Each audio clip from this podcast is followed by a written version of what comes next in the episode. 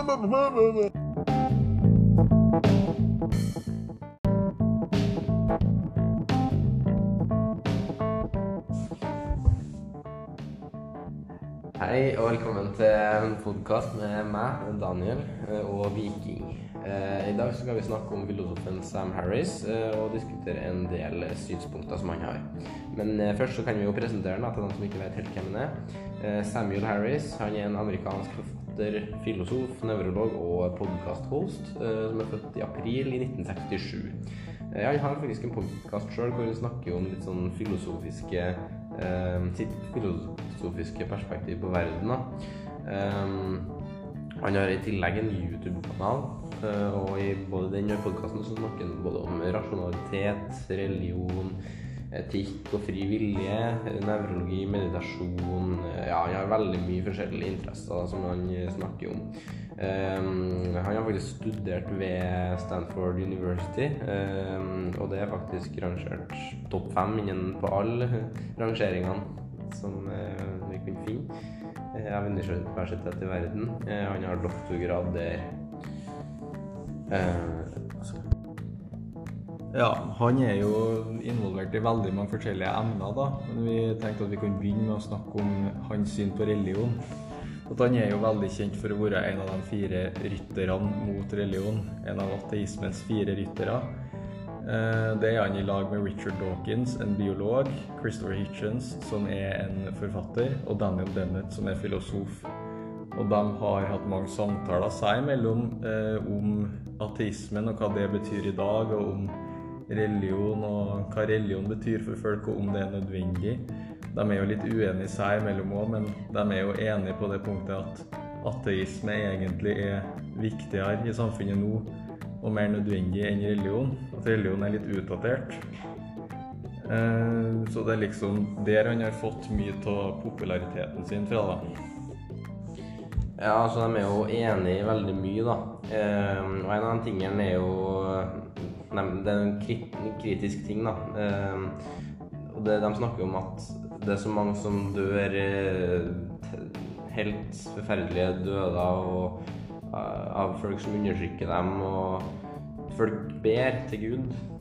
Men det er aldri vært noe realistisk tegn på at Gud faktisk hjelper dem som ber. Eh, og da konkluderer jo de mest av Sam Harris da, med at Gud enten må ond eller ignorant, fordi at ja, enten så bryr han ikke seg uh, om det som skjer, eller så er han ond og ikke vil hjelpe dem. Det er jo en av dem. Um, fordi det er ingen som spares fra det onde som skjer.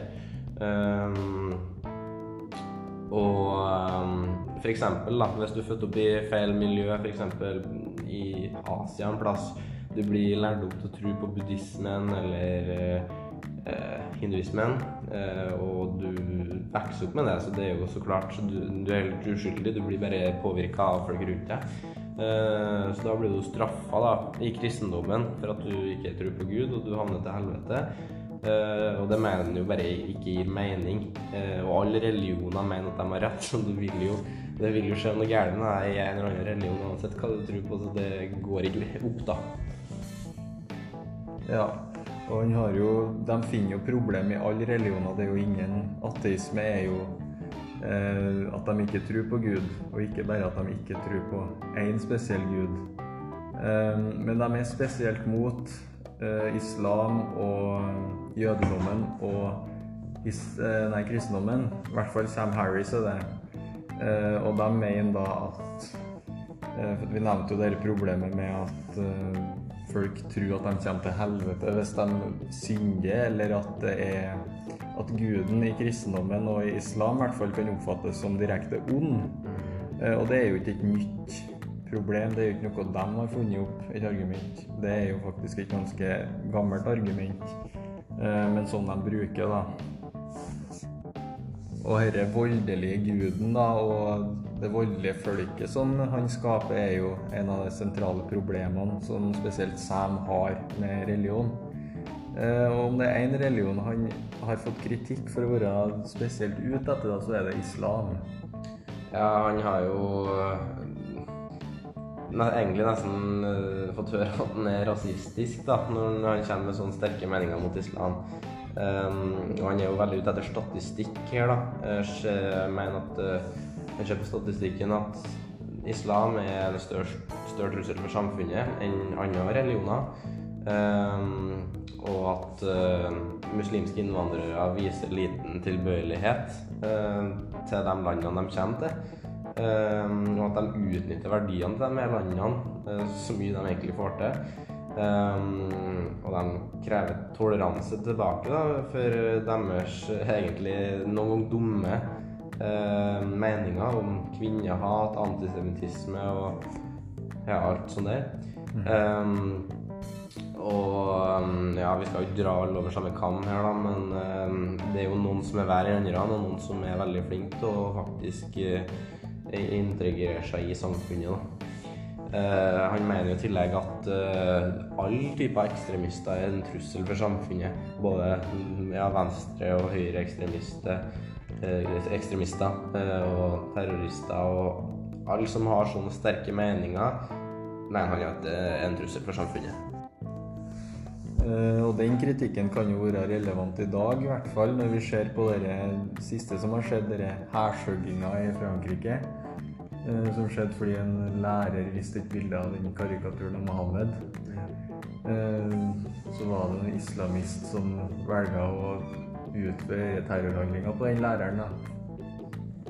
Eh, og Sam Harris mener jo at han har sagt i et intervju med Ben Shapiro at han oppfatter som at islam er et problem, og den islamske kulturen er et problem. Eh, Og at opplysningstida, da, som da forandra hele den vestlige verden, ikke helt fikk fotfeste i Midtøsten. Eh, og at eh, da Og det er litt av at islam som kultur er veldig fiendtlig til den typen ting. Eh, Den henger liksom igjen i den tida hvor for Vi ser jo, så det samme i, i Vesten òg, da kirka sto som sterkest, at det ikke var lov til å være eh, fiendtlig mot kirka, eller ytringsfrihet var begrensa, og kanskje å ha en karikatur av Jesus på den tida hadde vært like hadde hatt samme reaksjon fra folk. Så han mener da at islam er litt er enda mer gammeldags enn kristendommen og jødedommen. Eh, ja, for dem som ikke vet det, så er Ben Shapiro en konservativ politisk aktivist. Eh, og han har da en podkast som omhandler politikk. Eh, og det var den da som eh, Sam Harris var med som gjest i. Mm. Det ble vel mer debatt enn podkast, egentlig, der, for at den Shapiro er jo jøde, og, og Sam Harris er jo ateist. Men selv om han er ateist, så er han ikke like kritisk til alle religioner, eller er i hvert fall sånn han blir oppfatta. For uh, sånne asiatiske religioner som f.eks. hinduisme og buddhisme, der har han plukka opp en del ting fra. Han var jo på turer dit i ungdommen sin, hvor han måtte meditere i flere timer i strekk. Og det sier han at han har lært veldig mye av. Det er delvis derfor han velger å studere nevrologi, tror jeg. Ja. Um, og han er da veldig Han reklamerer veldig mye for mindfulness og moderne spiritualitet, som han da har veldig lyst til å eh, Han har veldig lyst til å ordne en avstand mellom ordet spiritualitet og religion. Det er ikke det samme. Det går an å være mindful uten å være religiøs. ja. Og mindfulness da er det han beskriver som en teknikk hvor du kan fokusere på eh, sansene og det du opplever i øyeblikket, og uten å fokusere på tankene som du har. Ja, ja, han har jo faktisk en app som uh, handler om dette. Uh, 'Waking Up with Sam Harris'. Uh, det er jo en app som handler om meditasjon. Eh, ja, altså Det han mener, da, er jo at det ikke egentlig fins noe jeg inni hodet. Og det begrunner han ikke med sånn som f.eks. Alan Watts, som er en filosof som egentlig begrunner det bare i spekulasjon og sånn.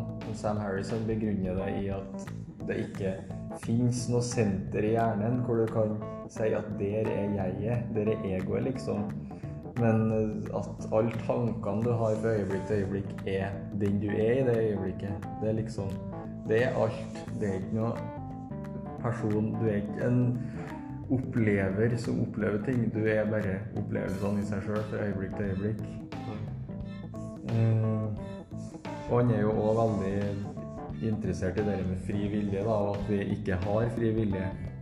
Det går litt på dette samme. Ja, han mener jo at uh, fri vilje det er jo en illusjon. Uh, det som kalles determinisme. Um, for det er jo veldig fristende å tenke at man velger sjøl. Noen sier til deg 'tenk på et land'. Uh, da tror du Vet du hva, okay, jeg tenker, jeg tenker Spania. Men um, så skifter du mening. Tenker, vet du hva, jeg tenker på Moldova i stedet. Men faktisk så er det bestemt på forhånd, da, mener han, at du å skifte mening. Eh, og det han tror, da, det er jo at det er en hjerne, at det foregår så klart nevrologiske reaksjoner, og at det er en sum av de her som bestemmer det du gjør. Eller en sum av opplevelser og påvirkninger som du har gjort deg tidligere i livet ditt, som bestemmer det. Eller en sammenheng av de to her, da. Mm. Og det han har jo gjort forsøk òg for å vise at det er aktivitet i hjernen før folk sjøl sier at det, hvis de skal trykke på en knapp, da, så er det aktivitet i hjernen tidligere enn det de sjøl sier, at de, de sier at de har bestemt seg. Eh, det er jo selvsagt sikkert problem med sånne typer forsøk, men det viser jo at det, opplevelsen vår av fri vilje ikke er helt sånn som det er i realiteten, i hvert fall. Og det gir jo mening, da. For du kan jo Jeg har sett andre eksperiment hvor det har vært sånn at uh, de har hatt uh, sånne forsøkspersoner som har blitt Gjennom en dag da, så har de fått ulike inntrykk og plukka opp dem uten at de vet det. De har f.eks. sett en plakat hvor det har vært bilde av ei ape. da. Uh, så kommer de inn på inn på denne laben, og så skal de velge et eller annet dyr. Og så velger de aper, så tror de at det er et helt vilkårlig valg, men egentlig er det jo eh, Ja. Sånn type ting, da. Ja.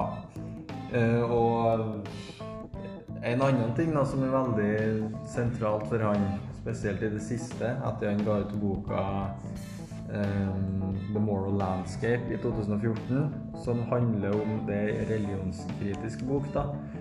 Um, som handler om at religion ikke kan uh, Ikke egentlig er nødvendig for å svare på etiske spørsmål. Og i den boka, da, så argumenterer han for Eller han utfordrer ideen, som sagt, om at Eh, religion er nødvendig da, eh, når det kommer til etikk. Fordi at han mener at det kan bestemmes vitenskapelig. Han er jo vitenskapsmann. Eh, og han baserer seg på ikke pliktetikk, som Kant baserte seg på, som da handler om at vi skal gjøre det vi plikter å gjøre. Og den plikta kommer da fra en autoritet. Eller nei, holdningsetikk, som da handler om at vi skal finne det i oss sjøl, eller gjennom dydene, som de eh, grekerne kalte det. Eh, at vi skal godta pga. samvittigheten at noe er rett, og se på motivasjonen bak handlinga om noe er rett. Men han baserer seg på konsekvensetikk, og at vi skal ta valg som er for det beste for oss og alle andre. Sånn sum, liksom. Um, han mener da at den beste mulige tilstanden det som er lengst til høyre i det spekteret han snakker om, da, det uh, spekteret av lidelse og uh, hvor godt vi kan ha det, det er da den beste mulige tilstanden. Det er da at vi at alle har det bra. At alle levende og bevisste skapninger i universet har det bra. Og at det er en helt oppnåelig tilstand fordi at vi lever i et univers hvor valgene vi tar, Eh, baserer seg på vitenskapen, og det er liksom logiske konsekvenser av det vi gjør. Så det skal gå an å ta et valg som fører til at du eller noen andre får det bra.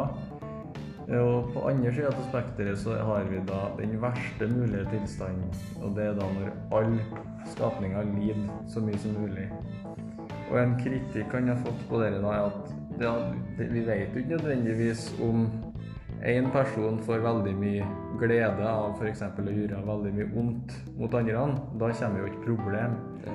Men han mener at eh, nei, det trenger ikke være sånn, fordi det går an eh, at den beste mulige velferden for alle er det som er det beste mulige for alle. Um, og det som gjør folk lykkelige, kan vi jo se i psykologi og nevrologi bl.a. Altså i vitenskap. Det er ikke noe filosofisk spørsmål, egentlig, det. Det er bare å se på hvordan mennesker er. Så det skal gå an å finne eh, et punkt hvor flest mulig er lykkelig, uten at det blir noen sånne store konflikter, interessekonflikter innad. da mener i hvert fall han i den boka. Og det baseres da på vitenskap og forskning, og ikke på religiøse dogmer, som han kritiserer veldig mye. Ja, hvorfor skal egentlig religion ha meninger om moralen? Hvorfor skal egentlig alle ha mening om moralen? Han mener jo at eller de som har ekspertise innenfor det med moral, deres mening heller burde ha mer å si. F.eks. hva vet Taliban om fysikk, liksom? Det er ingen som bryr seg om hva de mener om fysikk, for de er jo rett og slett ikke kvalifisert til å snakke om det temaet. Og um, en annen ting, da, det du nevnte om velferden. Uh, han mener et problem som er i verden, det er at alle mennesker eh, alltid strever etter å få et bedre liv enn det de har nå. Alle holder alltid på å solve et problem som de har nå, liksom. Um, men han mener at de heller burde fokusere på å ha det bra nå, nyte tida nå, og ikke tenke så mye på framtida. Um, og noe som òg handler om både moral og ikke minst om framtida, er jo farene med å utvikle AI, artificial intelligence, noe som vi konstant holder på med, noe som konstant er i utvikling. Og etter hvert så utvikler vi det så det blir nesten smartere enn oss sjøl. Um, og da kan jo de til slutt begynne å utvikle seg sjøl, sjølve AI-en. Uh, eh, og da plutselig så utrydder de oss. Uh, og han sier jo det, da, at det fungerer nesten sånn, sånn som med oss og insekter. Vi prøver jo ikke å drepe insektene, men hvis de kommer såpass mye i veien for oss, så utsletter vi dem jo uten å tenke på det. Vi smekker jo flua hvis den plager oss, så klart. Um, og noe annet som er farlig med det med AI, da, eh, det er jo at vi synes at det, den tanken om at det kan utslette oss, at noe vi lager sjøl kan utslette oss, at det er veldig interessant og at det er fascinerende å tenke på. Men f.eks. med andre katastrofer, sånn som sult, vi tenker ikke at det er fascinerende. at Søker hvor artig og interessant det er. Det er jo bare forferdelig, liksom. Tragisk. Eh, og det kan, den tanken kan være med å ødelegge oss litt, da. Men uh, jeg tror nesten vi må avslutte med den dystopien der. Ja. Vi har ikke noe mer. Da takk. sier vi bare takk for oss. Mm.